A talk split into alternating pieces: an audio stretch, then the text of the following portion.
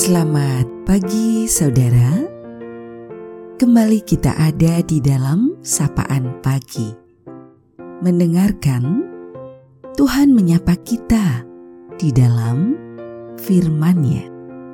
Namun sebelum kita mendengarkan sapaan dalam firman itu Mari teduhkan hatimu dan kita berdoa.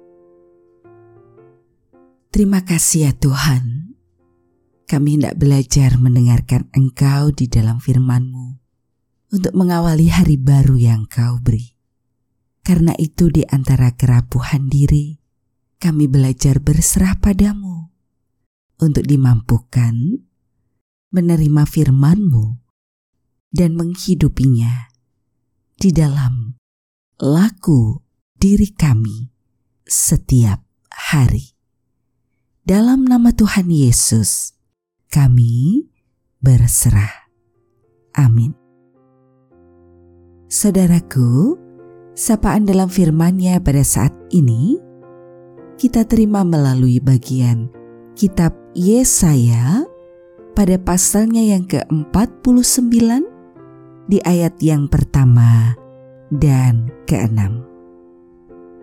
Dengarkanlah aku, hai pulau-pulau, Perhatikanlah, hai bangsa-bangsa yang jauh. Tuhan telah memanggil aku sejak dari kandungan, telah menyebut namaku sejak dari perut ibuku. Terlalu sedikit bagimu hanya untuk menjadi hambaku, untuk menegakkan suku-suku Yakub, dan untuk mengembalikan orang-orang Israel yang masih terpelihara. Tetapi aku akan membuat engkau menjadi terang bagi bangsa-bangsa, supaya keselamatan yang daripadaku sampai ke ujung bumi. Kita akan refleksikan hal ini dalam tema ngutang. Ngutang, ya, sebuah kisah tentang seorang nenek yang begitu bangga dengan kehadiran cucu pertamanya, dan lebih membanggakan baginya karena cucu pertamanya adalah laki-laki. Dalam pandangan nenek itu, cucu pertama laki-laki membanggakan karena akan menjadi penerus keturunan dan sekaligus penjaga keluarga. Walaupun kita sungguh memahami bahwa baik laki-laki atau perempuan sejatinya sama saja. Mereka memiliki hak dan kewajiban, tugas dan tanggung jawab di dalam kehidupan. Namun, begitulah pandangan yang masih benar-benar dipegang teguh oleh nenek itu. Dan kebanggaan sang nenek selalu diungkapkan dengan ngutang. Ngutang cucunya. Atau memuji dan sekaligus menyampaikan harapan. Setiap kali ngutang cucunya, nenek itu selalu mengatakan kata-kata yang sama. Cah bagus Dewi, putu nimbah putri, meripate celorot-celorot madangi jagat, gelis gede yongger, dadi cah pinter lan wasis. Ben donyani dadi padang. So yen Mbah Putri tindak ora perlu nggawa senter. Kurang lebih demikian yang dikatakan tadi. Anak paling ganteng, cucu nenek, matanya terang cerah menerangi dunia, cepat besar, jadi anak yang pandai dan bijak, agar dunia menjadi terang. Nanti, kalau nenek pergi, tidak perlu membawa senter. Sebuah kutangan yang luar biasa. Suatu saat saya bertanya, apa arti dari doa nenek itu? Pertama, pada saat itu di desa belum ada listrik. Masyarakat desa menggunakan lampu minyak untuk rumahnya. Dan kalau pergi keluar rumah, mengandalkan senter sebagai penerang. Nenek itu menjelaskan sesuatu yang lebih dalam dari apa yang saya tangkap.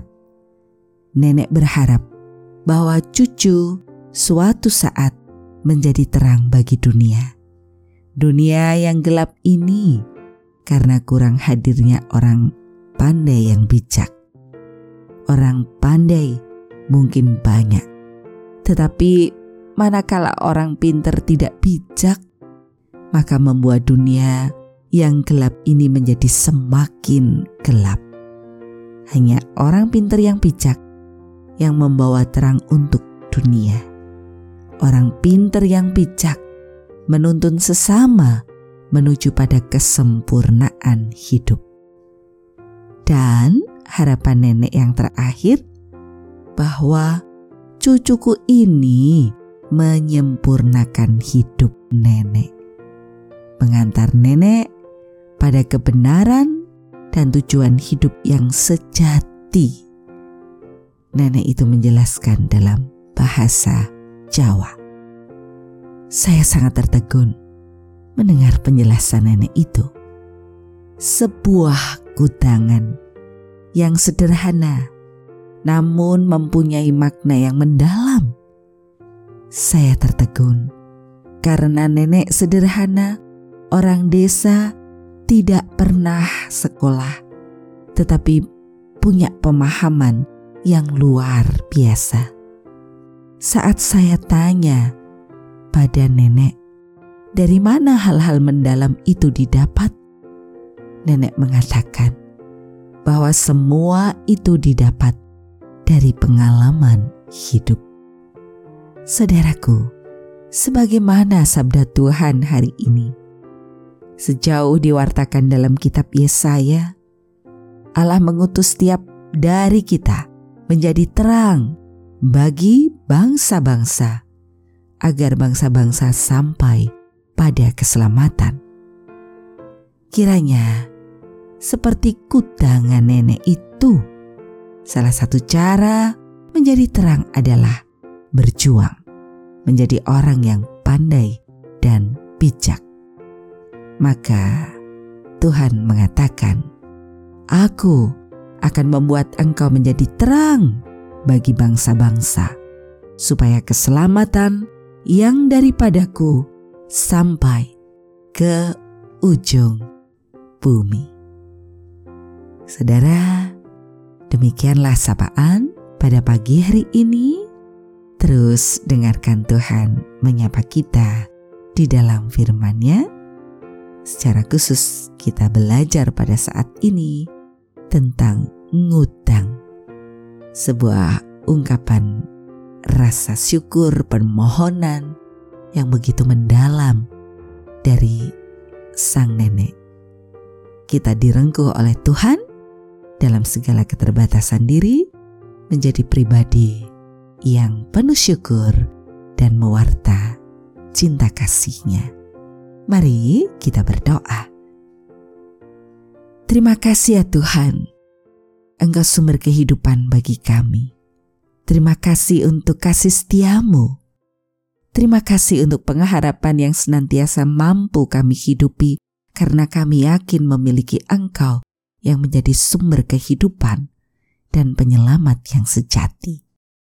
Engkau mengajarkan agar kami memaknai hidup dengan baik penuh syukur dan tanggung jawab untuk dapat menjadi terang yang memberikan kehangatan sinarnya, memancarkan kebaikan bagi banyak orang dan setiap orang yang ada dalam hidup.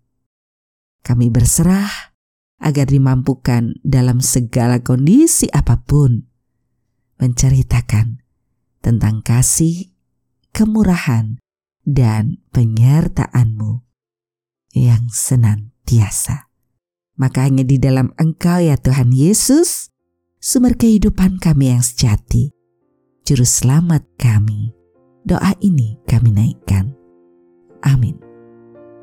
Saudaraku, demikianlah sapaan pada pagi hari ini. Terus dengarkan Tuhan menyapa kita di dalam firman-Nya.